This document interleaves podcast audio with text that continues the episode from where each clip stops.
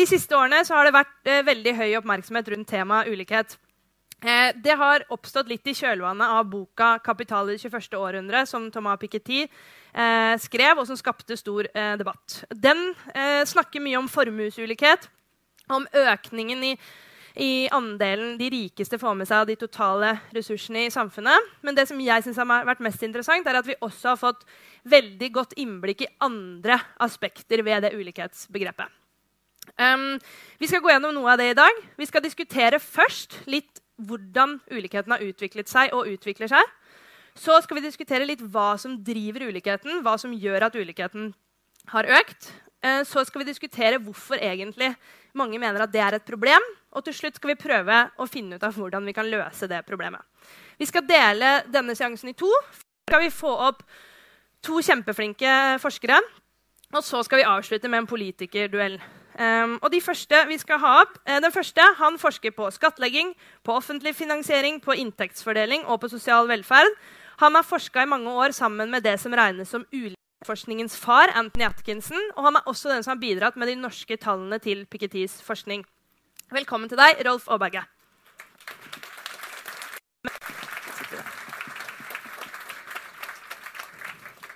Den neste gjesten vår han er professor ved Universitetet i Oslo. og Han har også i veldig mange år forska på fordelingsspørsmål. Han har fått masse priser, bl.a. Norges forskningsråd formidlingspris for sin evne til å forklare komplekse økonomiske spørsmål på en forståelig måte.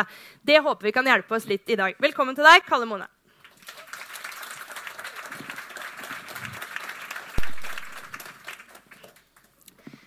Ja, dere har jo begge to forska på ulikhet og fordeling i veldig mange år. Og først nå de siste årene så har resten på en måte kommet etter. Hva er det dere skjønte før eh, alle de andre? Og hva er det egentlig vi snakker om når vi sier ulikhet? Jeg kan begynne med deg, Kalle. Jeg tror jeg, um det er alltid lett å slå seg på brystet etterpå. Men uh, jeg var i samme forskningsgruppe som Thomas Pickett i, i, USA på MIT, eh, der han startet med sine ting. Så jeg tror inspirasjonen for en stor gruppe folk var mye det samme. At en kanskje la for lite vekt på ulikhet. En ble ofte møtt, Hvis en nevnte det i norsk debatt, så ble en ofte møtt med at en hensyn til ulikhet var et, et uttrykk for misunnelse overfor andre. Og det er en, en side ved debatten som har forsvunnet helt. Så jeg tror det er en viktig side ved samfunnet. Det er limet i samfunnet om det er små forskjeller eller ikke. og Derfor skal en forstå samfunnet så må en forstå samfunn med ulik ulikhet. Rolf, hva tror du? Hvorfor interessen for dette har økt i, over tid? Ja, det selvsagt mye av det som skjer utenfor Norge. Fordi eh, dramatikken har vært mindre i Norge enn i, i andre land. Det tror jeg er en, en viktig årsak. Og så er det at eh, vi over veldig lang tid hadde nedgang i ulikhet. Si fram til tidlig 80-tallet. Og så har det snudd. Og etterpå så har det økt. Ikke veldig mye fra år til år, men uh, det har økt hele tiden. Eh, vi kan sikkert si litt mer om det etter hvert, men uh, og det er masse metodiske og målemessige utfordringer knyttet til dette. her, slik at vi må være nyanserte når vi eh, trekker konklusjoner. Mm. La oss se litt på et av de målene. Vi skal prøve å gjøre litt uh, klokere her i dag. Og et mål som ofte brukes når vi snakker om ulikhet, og økningen i ulikhet, er Gini-koeffisienten. Kan ikke du si litt om hva det er, og hva den viser oss om utviklingen internasjonalt og i Norge? Ja, Gini-koeffisienten det er, som navnet tilsier, en uh, oppfinnelse fra en italiensk økonom og statistiker som heter Corrado Gini. Og eh, poenget med det er å finne en, en, foreslå en smart måte på å oppsummere alle inntektsforskjeller i eh, et hvilket som helst land eller gruppe i en befolkning. Relative inntektsforskjeller. Og tolkningen den er i og for seg relativt grei. Det er forholdet mellom to tall, hvor det ene tallet er gjennomsnittsinntekten i befolkningen, det ligger under brøkstrikken. Og over ligger alle forskjellene, gjennomsnittet av alle forskjellene som vi får fram ved å sammenligne alle med hverandre. Og da ser vi sjøl at hvis forskjellene øker, så øker da forholdet. Fordi nevneren vil jo da ligge fast. Men hvis forskjellene med samme nevner øker, så øker den uh, Gini-koeffisienten. Og den tar verdier mellom 0 og 1. Alle ser med en gang at det, hvis det er ingen forskjeller, så blir jo gjennomsnittsforskjellen null. Da blir den null. Og Med en gang de begynner å bli forskjellige, og til mer de er forskjellige, til større er verdi. Og Det beste tilfellet er hvis all inntekt havner på ei hånd. Da blir den verdien én. Og det er ingen steder det fins null eller én? Nei, men det er mange land hvor det er betydelig nærmere enn vi skulle tro. Mm. Er det andre mål? På, er det andre ting vi kan eh, Mål eller måter å se på ulikhet som er eh, interessante? Ja, det er flere. Eh, jeg først vil si det at, at, at, eh, Vi diskuterer inntektsfordeling. Det er liksom en fordeling av inntekt Ofte ser det ut som en klokkeformet, litt skeiv. De høyeste inntektene drar gjennomsnittet opp, eh, og så er det stor konsentrasjon eh, på de lavere inntektene. Sånn ser inntektsfordelinga ut. Eh, flertallet i alle land tjener mindre enn gjennomsnittet. Sånn er det i alle land. Nå er det noe som både Rolf og meg irriterer oss litt på. at Noen som tror at du kan uttrykke den fordelingen med ett tall. Men det er helt logisk umulig. Samme hva tall du velger. Gini er en god kandidat. Eh, det fins også andre ting som både Rolf og meg vi arbeider sammen om, eh, som legger litt større vekt på de fattiges inntekt og litt større vekt eventuelt på de rikes inntekt enn Gini-koeffisienten gjør. Så det, det, det, er disse tingene. Det jeg vil si i denne sammenhengen er at, at Gini-koeffisienten sier at hvis alle inntektene i samfunnet dobles, da blir de absolutte forskjellene veldig store. Hvis alle inntektene dobles i samfunnet, så blir de absolutte inntektene eh, eh, større. Men Gini-koeffisienten sier at inntektsulikheten er den samme som før. Bare sånn at en skjønner at de fleste vil ha en intuisjon og så si at ja, men da er det jo blitt mye. De som ligger nær null, har jo ikke fått noen ting, selv om de har dobbelt så høy inntekt, mens de som hadde 10 millioner, har fått 20. Så de absolutte forskjellene i konkurransen om knappe goder i samfunnet har blitt mye større. Gini-koeffisienten tar ikke hensyn til sånne ting, og det fins mål som gjør det. Det fins også andre mål. Jeg kan se på andelen eh, rike folk i samfunnet. En kan se på hvor stor andel av inntekten den 1 rikeste eh, andelen av befolkningen har. En kan se på den 0,1% rikeste andelen osv. Dette er ikke akkurat ulikhetsmål, men det uttrykker noe ved denne fordelingen som er interessant. En kan også se på hvor mange i samfunnet som kommer over en bestemt grense, formuesgrense f.eks., 100 millioner eh, dollar eh, kunne være et forslag. Noen ganger så blir de kalt superrike. Hvor stor andel er de superrike i befolkningen? Og det interessante er at land som Norge og Sverige har veldig høy andel av superrike i sin befolkning sammenlignet med USA.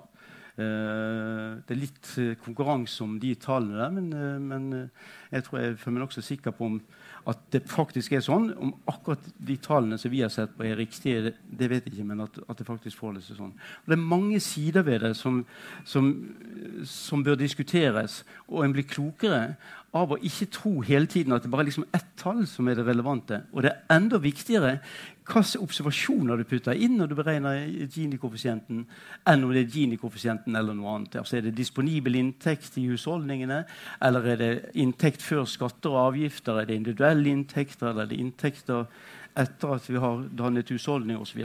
Mm. Rolf, eh, det har jo vært en intens diskusjon gjennom hele valgkampen. Hvilken regjering har bidratt mest eller ikke redusert nok de økende forskjellene? Og som du sa i sted, Siden 80-tallet har forskjellene økt, og så har de ikke stoppet å øke. Men du har ikke hatt lyst til å si noe om hvilken periode forskjellene har økt mest. For du har sagt at vi er nødt til å se på langsiktig perspektivet. Hvorfor det? Jo, hovedgrunnen er de siste la oss si, 15 årene fra tidlig i dette årtusenet, så uh, har, vi, har, vi, hatt en del skattereformer som har angått uh, beskatningen av utbytteskatten. Og den, uh, den, er det egentlig relativt lite grupper som betaler. Og noen, har, noen av de som betaler relativt høy skatt på utbytte, de har også mulighet til å la være å ta pengene ut fordi de er eiere av, av mellomstore og små bedrifter. Eh, det, det, det vi kaller unoterte, altså ikke børsnoterte selskap. Og det er klart at de, de, tilpasser seg ofte det som er optimalt med tanke på hvor mye de skal sitte igjen med. Og dermed blir mye penger i de periodene hvor eh, skatten har vært eller ble innført, så har eh, utbyttet gått kraftig ned. Og Det betyr at vi i den vanlige statistikken, den som er basert på de skatterapporterte inntektene, er veldig følsomme overfor uh, denne type endringer. Og Ideelt sett så skulle vi ha tatt hensyn til he he hele overskuddet i bedriften og delt det ut på de som er eiere. Og Det arbeider vi nå for tida. Når vi har fått gjort det, så kan vi si mer presist om hvordan endringene har vært fra ett år til neste. Det jeg vil si nå, det er at vi har nok informasjon til å si at ulikheten har økt hvert eneste år eh, fram til eh, i dag. Men vi kan ikke si om økningen har vært større nå i siste fireårsperiode sammenlignet med la oss si de forrige åtte årene hvor vi hadde rød-grønn regjering. Mm. Den tror jeg er viktig å holde fast ved. egentlig. Fordi at Du kan gå inn og bruke byråets statistikk, som heter inntekt etter skatt, mm. men den er etter min mening ikke velegna for å svare på spørsmålet pga. disse tingene som jeg nå mm. nevner. Det Rolf var litt inne på, eh, hvis det er riktig, er at hvis vi ser på Gini-koeffisienten de siste årene, så ser vi rundt skattereformene at den gjør et veldig sånn hopp 2004-2005, og også nå i 2015. Ja. Fordi mange tok ut utbytte ja. før utbytteskatten skulle settes opp. Ja. ikke sant? Og det ser ut som da ulikheten har økt kjempemye. Og så er bildet kanskje litt annerledes. Men det er ikke nødvendigvis sikkert at ulikheten er um, lavere. Nei. Nei. For det, det, har dere sett Nei. på tidligere. ikke sant? Nei, altså, det, du kan si det vi vet når vi, når vi, bruker den litt røffere informasjonen foreløpig, mm. uten å gå inn på hver enkelt bedrift og person som vi arbeider med, så vet vi at, uh, at utbyttet ved å, ved å, se på det, hvor mye som er holdt tilbake totalt sett, så ser vi at uh, det er åpenbart at ulikheten ikke kan ha gått ned mm. i den perioden. Vi sammenholder det med det som vi har målt ved hjelp av inntekt etter skatt. den mm. vanlige måten å gjøre dette på. Mm. Før vi går videre til å snakke litt om drivere av ulikhet, vil jeg bare Eh, vi har jo nå slått fast at ulikheten har økt, og at den fortsetter eh, å øke eh, for hvert år, selv om vi ikke kan si akkurat hvilken periode den har økt mest. Men Norge er jo fortsatt et av verdens likeste land. Er det noe vits i å diskutere ulikhet i Norge da? Absolutt. Det er klart. Altså, når jeg sier at vi, hvis vi ser perioden hele, hele perioden 1875 og frem til i dag så har vi faktisk hatt uh, tilstrekkelig data for å belyse hvordan ulikhet i markedsinntekter har utvikla seg over hele den perioden. Og kan du forklare hva det er? Markedsinntekter er jo uh, lønn pluss kapitalinntekter. Mm. Essensielt. Og den, den lå på et veldig høyt nivå fra slutten av 1800-tallet og fram til andre verdenskrig hoppa og spratt litt her og der og ble utsatt for sjokk under første verdenskrig. Så var det opp og ned, litt sånn som utbytteskatt, men enda sterkere effekt. Og eh, så snudde det i forbindelse med andre verdenskrig og falt under andre verdenskrig og fortsatte å falle fram til 1953. Og så la han seg stabilt på et mye lengre nivå fram til 1980. Og etter 1980 så har de gått opp. Mm. Og Det er det vi skal snakke litt om nå. Ja, men det er bare for å gjøre til en liten ting ja. der, fordi Det er viktig å være klar over at når vi snakker om velferdsstaten, er jo ikke tatt hensyn til her. Altså Ikke de direkte effektene i form av, av fordeling som, fordelingseffekter som følger, som følger av at folk mottar kontantoverføringer av ulikt slag. Altså sosialforsikringsordninger for eksempel, og barnetrygd, som var veldig stor tidligere. Eh, etter hvert så har, har, offentlig tjenesteproduksjon betydd mer og mer. Og vi har jobba masse med å prøve å få ta hensyn til offentlig tjenesteproduksjon. Etter min mening er det en alvorlig unnlatelsessynd å ikke gjøre. For Det er jo hele grunnen til at vi betaler skatt. Da kommer vi faktisk tilbake. Vi samler ikke inn masse penger og setter fyr på dem. Vi produserer tjenester, og da må vi ta hensyn til det. Og det, de har jo en fordelingseffekt, selvsagt. Mesteparten går jo til barnefamilier og eldre form av pleie, omsorg og helse. Og dette får veldig stor betydning både for måten å måle ulikhet på og fattigdom. Som jeg ikke har lov å si, men som jeg sier likevel. Men det er vel også målet? ikke sant? At velferden skal bidra til en del av målet, at det skal bidra ja. til å redusere forskjellene. Ja. Eh, men Kalle, hva var det som skjedde på 80-tallet som gjorde at eh, sånn som Rolf sa, det hadde vært eh, høyt oppe, så gikk det ned, så stabiliserte det seg? Eh, og så eh, økte det igjen fra 80-tallet. Hva var det som skjedde? Jeg tror det er mange endringer som skjer samtidig. Så, så liksom Ordet 'driver', som vi hørte du brukte, det er et ord som jeg ikke er så veldig glad i. For jeg tror at ting henger mer komplisert sammen. at du kan liksom finne Der er én driver og én til, og det er de som driver det hele. For tingene virker sammen på en komplisert måte, men på en komplisert måte så lar seg studere. Men det er ikke liksom sånn enkle drivere som en, uh, uh, ting som uh, Eh, innvevd i hverandre på en litt uh, annen måte. Det som skjer på 80-tallet, er, er, flere ting. Altså en deregulering som, uh, som, bidrar til økt ulikhet i noen sammenhenger. En deregulering av boligmarkedet, som er ganske viktig. Uh, det er også en, hele perioden så er det jo en strukturell endring i arbeidsmarkedet. Med at, det er mindre industri, mer tjenesteproduksjon. Går, produksjonen går over fra sektorer der fagforeningen har vært sterke og dominerende. Fagforeningen er en veldig viktig eh, mekanisme eller viktig institusjon for å begrense lønnsulikhet, som betyr mye for den samlede ulikheten. Uh, uh, og du får stadig mer tjenesteproduksjon der fagforeningene står svakere enn de tradisjonelt har gjort. Det er Mer individuell baserte lønninger. Bonuser spiller en viktigere rolle. Det som jeg vil si som en samlebetegnelse her, det er at det er ofte det som ikke er så lett å se som en driver, men justeringene til ulikhet i seg sjøl er ofte viktig i utviklingen for, av, utvikling, eh, av, ulikhet enn liksom de sjokkene Det var det som skjedde på 80-tallet. Men poenget er at når du får ulikhet, så får du en annen investering i bedriftene. Du får en annen tilpasning i arbeidsmarkedet. Du får eh, nye maktkonstellasjoner. Du får kanskje mindre oppslutning om visse politiske retninger, så partiene justerer sin politikk. Det er de tingene jeg mener henger sammen på en måte som lar seg studere. Erling Barth og vi har studert det vi kaller for en likhetsmultiplikator. Så se på hvordan velferdsstaten påvirker forholdene i arbeidsmarkedet, og hvordan forholdene i arbeidsmarkedet eh, påvirker oppslutningen som forskjellige typer politikk har. Og dette har vi gjort over tid, på tvers av land, inklusiv Norge.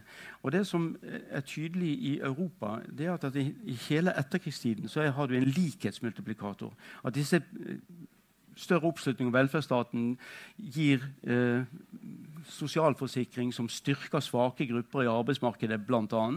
Som gjør at de også kan heve sine lønninger. Enslige mødre er viktig, eh, et viktig eksempel som er lett å skjønne. Eh, da du hever lønningene, de minste lønningene i arbeidsmarkedet, så får du økt oppslutning av velferdsstaten. og Dette er én eksempel på en sånn positiv spiral for folk som er interessert i likhet. Eh, dette skjer i USA, hvis du studerer USA helt alene. Det skjer i, eh, på tvers av OECD-land og på langs av OECD-land. Hvert land is isolert. Det ser ut at på midten av 80-tallet i de fleste europeiske land så snur likhetsmultiplikatoren til å bli en ulikhetsmultiplikator. Da går disse mekanismene i revers. Altså Det er mindre oppslutning om de mest sjenerøse programmene velferdsstaten. Partiene justerer sin politikk. Folk får mindre støtte, svake grupper i arbeidsmarkedet osv. for å holde oss til det bildet. Og dette går da en selvforsterkende, ulikhetsskapende eh, vei. Og Derfor er det viktig å se disse tingene i sammenheng. Og det er også viktig å skjønne at en, at en kan ikke se helt isolert effekt av ett tiltak. For det endrer forhold som har langsiktige virkninger på, på ulikhet og eh, oppslutning om, om, likhet i seg sjøl i samfunnet. Eller aksept eh, av likhet i samfunnet generelt. Rolf, du har sammen med Atkinson sett på Norge spesielt og har pekt på litt det samme som Kalle sa, at det var deregulering av kredittmarked, eh, nye muligheter som følge av oljevirksomhet. Kan du si litt mer om det som gjorde at ulikheten eh, økte? Ja. ja fordi som jeg sa, skiftet skjedde tidlig når vi snakker markedsinntekter. Skiftet skjedde tidlig på 80-tallet. Når det gjelder ulikhet i, når vi snakker om ulikhet i fordelingen av inntekt, markedsinntekt. Og de, de, første ti årene skyldtes det, det er nok mange som er overraska over, eh, økte lønnsforskjeller. Vi har sett det på menn. fordi at eh, Dette var en periode hvor eh, kvinnene i større grad begynte å gå inn i arbeidsmarkedet. Og, og det var et stort innslag av deltid blant kvinner. Og Da sier selv at de, da blir inntektene lavere, og det bidrar jo til ulikhet. Så vi har så, så på menn som stort sett var i fulltid. Og ulikheten fra tidlig 80-tall til slutten den økte med 50 i lønns uh, i, i, løn, ulikhet i lønnsinntekt. Veldig mye, egentlig. Og Det bidrar til denne økningen i total ulikhet, uh, inntekt etter skatt, av, så vidt også i perioden, men, men i, i, fordelingen av markedsinntekter. så var det som kaller seg en deregulering av kredittmarkedet. Det var lettere å uh, låne penger. Det var lettere å tjene mer penger, men òg tape. Var, vi hadde jo en krise på slutten av 80-tallet som bl.a. førte til at banker gikk konkurs. Uh, da, da til, vi ville jo forvente at, um, at en sånn type liberalisering ville bidra til økt ulikhet. Og det gjorde det òg, men det kom ikke til syne før ut, stykket ut på 90-tallet. Mm. Etter at økonomien hadde kommet til hektene. Mm. Og det falt sammen med en stor skattereform i 1992. Eh, der kapitalinntektene ble behandla mye mer sjenerøst enn før. Det var, et helt, det var et klart skifte. Så mindre skatt på kapital? Mye mindre, eh, kap, eh, kapital, mye mindre skatt på kapital. Og I Norge og i veldig mange andre land så hadde vi høy det var veldig høy. Det tror jeg var overraskende høyt. Ja, det var, det var, det var nesten 80 topp marginalskatt. Altså Du betalte 80 øre av siste kroner du tjente. De som tjente mye. Og Da spilte ikke noen rolle om det var kapitalinntekt eller lønnsinntekt. Mm. Men fra 92 så skilte man mellom kapitalinntekt og lønnsinntekt. Mm. Lønnsinntektene hadde da en uh, toppskatt på ca. 50% mens kapitalinntekten fikk 28 og Det sier seg selv at dette, dette falt sammen med en periode hvor du fikk også eh, effektene av um, liberalisering av kredittmarkedet. Du fikk enda større effekt av alle investeringene i Nordsjøen, hele servicesektoren, laksenæringen. Alt det der da bidro da til at inntektsandelen til de aller rikeste i samfunnet økte betydelig i den perioden. Det hadde den ikke gjort før. Mm. Vi må gå litt videre. Vi skal se litt på konsekvenser av ulikhet. Hvis vi først snakker litt om sosial mobilitet, altså sjansen du har til å gjøre det bedre eh, enn dine foreldre. Eh, samfunnsforskeren Robert Putnam, som besøkte Tankesmien Agenda i fjor, nei, to år siden, han viser jo i sin siste bok at i dag i USA eller han har i hvert fall eh, pekt på noen studier som viser det, at det er større sjanse for å oppnå en collegegrad dersom du har rike foreldre og dårlige resultater, enn om du har fattige foreldre og gode resultater. Altså, Den amerikanske drømmen fins ikke lenger. I Norge så har vi høyere sosial mobilitet enn USA. Men også her så påvirkes livssjansene dine av, av hvor du kommer fra. Trygg går i arv, fattigdom går i arv, utdanning går i arv, rikdom går i arv. Hva er problemet med det? Kalle? For det første vil jeg advare litt med at, at, at målet liksom er sosial mobilitet. Mm. Altså, hvis målet var sosial mobilitet altså Det er bare en femtedel i samfunnet som kan være den 20 øverste eh, delen av inntektsfordelingen. Mm. Så, så, jeg må kombinere hensynene her. Altså, det er jo forskjellene mellom den øverste 20% og den laveste 20% som er interessant. Og når, hvis de er, er, små, så blir også klassereisene mindre, og det, det blir lettere å ha sosial mobilitet. Altså når, når, når inntektsfordelingen av og til bruker et ord så at ikke, den ikke henger sammen, da blir spranget så stort i klassereisene. sosiale mobiliteten blir eh, veldig vanskelig, fordi at inntektsfordelingen henger ikke sammen. Da blir ambisjonene som folk har, til frustrasjoner. Det blir ikke inspirasjon, for det er ikke et sted du kan nå. Det er ikke mulig å, å komme der.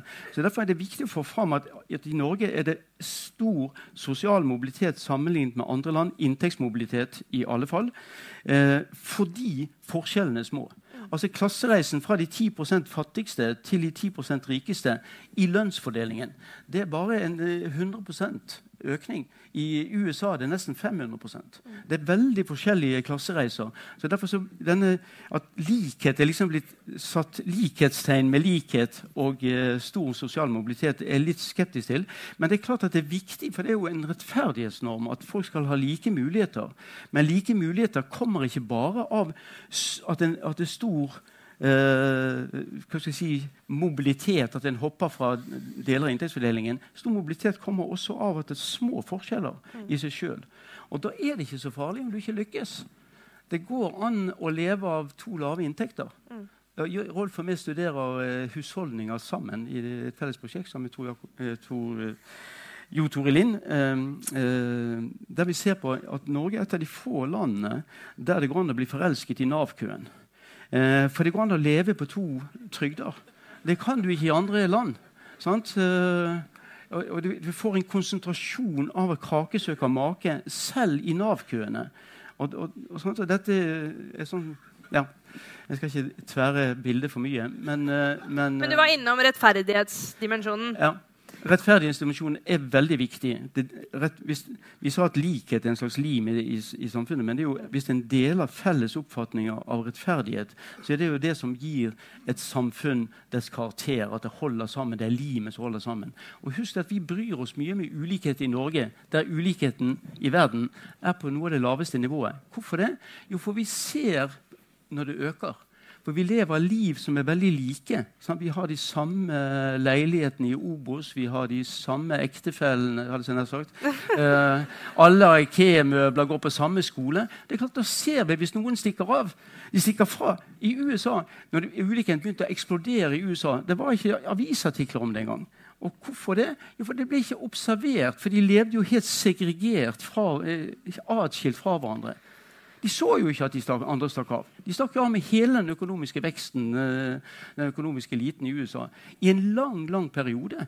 Og var, i, i, Norge var det masse skriveri om økende ulikhet som var en beskjeden ulikhetsøkning sammenlignet med andre land, fordi vi levde delte liv, fordi vi levde på en måte som vi kunne kontrollere og observere hverandre. Og Det er en viktig mekanisme til at ulikheten ikke øker mer. Men Hva skjer hvis vi går over til neste på en måte, konsekvens? Da, at det kan skape utfordringer i samfunnet? Du snakka litt om limet i, i ja. samfunnet. Eh, tilliten. at det Kan skape Kan det skape uro, f.eks.? Hvis, til, altså, ja, hvis ulikheten det, blir det, det, ser du jo i mange, i mange land. Nå skal vi være litt forsiktig med det med eh, at store ulikheter skaper store konflikter.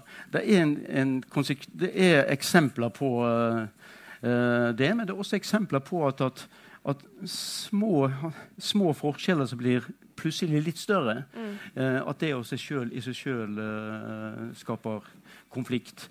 Eh, altså Hvis du er villig til å rette søkelyset mot andre land, så er det jo store konflikter mellom grupper som er veldig like, som sett utenfra nærmest er kliss like, mm. men som opplever skillene veldig sterkt. Så Være litt forsiktig med de tingene, at en ikke hele tiden er mekaniske i at stor ulikhet eh, nødvendigvis skaper uh, store konflikter. Men jeg sier én ting altså, som vi kan studere. Jeg har vært interessert i borgerkrig i, i, i mange år. Hvis du ser på land med, med borgerkrig, så er det en, en, en, veldig rar form for ulikhet som er mest konfliktskapende. Nemlig der det er to grupper som, eh, som er polarisert mot hverandre. Men innad i de to gruppene så er det noen rike og noen mange fattige. Det betyr at de rike kan finansiere konfliktene. De har både penger til våpen og kropper som går, kan gå i krigen. Så Ulikheten innad i gruppen er viktig for å kunne finansiere og få soldatene ut i felten. Det er klart at det bildet går det også an å bruke i konflikter uh, som er mer uh, hjemlige, om ikke akkurat i Norge, så iallfall i Europa. Men da er vi litt mer kanskje også over på det med makt. ikke sant? Ja. Hvis noen har veldig mye penger ja. Begge dere to har vært opptatt av at det da kan gjøre ja. at noen får veldig mye makt. Bare spørre uh, Rolf først. Du har jo sett litt på det også sammen med Atkinson. Den gruppen med mennesker i Norge som har mye penger. Um, og de skifter ikke så mye. Det er de samme folka fra år til år. Og hva har det å si da for um, politisk makt? Ja, altså for, for, alle de som er opptatt av akkurat den effekten at konst, mer konsentrasjon av, av um, økonomisk makt også innebærer større konsentrasjon av politisk makt. Fordi det er pil som peker fra økonomisk makt til politisk makt. Det er vel eh, de fleste erkjenner. Og Hvis dette blir forsterka over tid, så sier en sjøl at, uh, at, det er bekymringsfullt og ikke helt i samsvar med de idealene vi har for et demokrati. Da, for det vil kunne undergrave alle institusjonene osv. Og, og, og i Norge så er det faktisk slik at dette, dette, og dette er selvsagt mer bekymringsfullt hvis det er slik at den økende konsentrasjonen av inntekt i toppen er stort sett på de samme personene. At, uh, at det er ikke voldsomt mye skift går som Kalle var inne på, det med mobilitet. De som er rike ett år, er også rike året etter. Ja. Og det, og det, har vi funnet, at det stort sett er slik i Norge. Vi har data fra 1967 som gjør det mulig å, å dekke hele perioden fram til i dag. Så det, det, I Norge er det faktisk relativt liten mobilitet sammenlignet med mange andre land. Mm. Eh, og I Norge skiller seg også for fra USA, hvor vi har hatt masse oppmerksomhet rundt denne konsentrasjonen. og det er klart at det er et helt annet land. Norge og USA er jo ikke sammenlignet det hele tatt. så vi må ikke bli så veldig bekymra, selv om det jeg sier noe jeg kan være bekymringsfullt. Eh, I USA så skyldes den økte konsentrasjonen av inntekt i toppen faktisk økte lønnsinntekter. Fordi en del av lederne for de veldig store selskapene har fått svimlende inntekter. Og Det gjør at, eh, at, sammensetningen av de gamle type kapitalister som har stort sett inntektene fra kapital, dominerer ikke i samme grad i, i, USA som de gjorde tidligere. Men i Norge er ikke det fenomenet noe særlig tydelig. Ikke nærheten av sånn som i mm. USA. Så du kan si at Vi har jo et, et land som på mange måter slik sett ligner litt på fortiden også, når det gjelder akkurat den biten i toppen, helt i toppen. Ja. Mm. Ja, altså, det, jeg tror det er veldig vanskelig Vi, vi har til å si det, ja, men de rike skal ikke ha mer makt enn andre. Men de har det. Altså, de har det i de aller fleste land.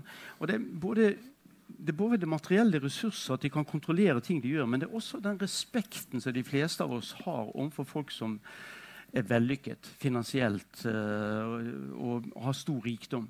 Og dette er notert av, samfunnsforskere helt tilbake til Adam Smith. Han skrev om dette, at den store feilen at vi hadde the corruption of the mind, snakker uh, Adam Smith om. Men den respekten vi har for de rike, og den at vi ser ned på de fattige og de mislykkede. Det er virkelig noen ting som jeg må arbeide med. Han skrev en bok før Welter Nation som heter 'Moral Sentiment', som er om bare sånne ting som dette. Det menneskelig natur og de naturlige eh, reaksjoner til eh, mennesker på forskjellige situasjoner, som ulikhet osv. Så, videre. så dette, dette er veldig, stikker veldig dypt ja, hos de fleste av oss. Vi kan liksom vaksinere oss litt. Men motkraften mot det er selvfølgelig ikke bare at vi snakker om det, men det er sosial organisering. Så faren for altså at én dollar, én stemme eller én krone, én stemme er mye mindre når det er sosial organisering. Så det er motmakten som f.eks. sterke fagbevegelser har mot de rikes dominans. Også respekten som en, en, en kan få gjennom fagorganisering for et motsatt syn på, på de rike eh, tror jeg hjelper her. og Derfor er institusjoner, organisering, er det antagelig noe av det viktigste middelet mot økt ulikhet. Det er altfor mye diskusjon i valgkampen ellers om at det bare liksom, at dette er skattene som skal fikse det. skal liksom noen som står utenfor, som skal liksom fikse disse tingene her. Det er klart at på lang sikt så er det fagbevegelsens uh, rolle, eller den sosiale organiseringen mer generelt, og som er et viktig motbilde. Og her er det endringer. Sant? Fagbevegelsen er på vei nedover i alle land, inklusiv Norge. Både fordi det er strukturendringer og av andre grunner. Vi må eh, snart avslutte. og Nå er vi allerede over på det siste temaet, som er løsningene. Eh, litt sånn overordna kort først. Bør det være en politisk oppgave å løse ulikheten? Og er det, eller å dempe ulikhetsveksten? Og er det mulig? Rolf?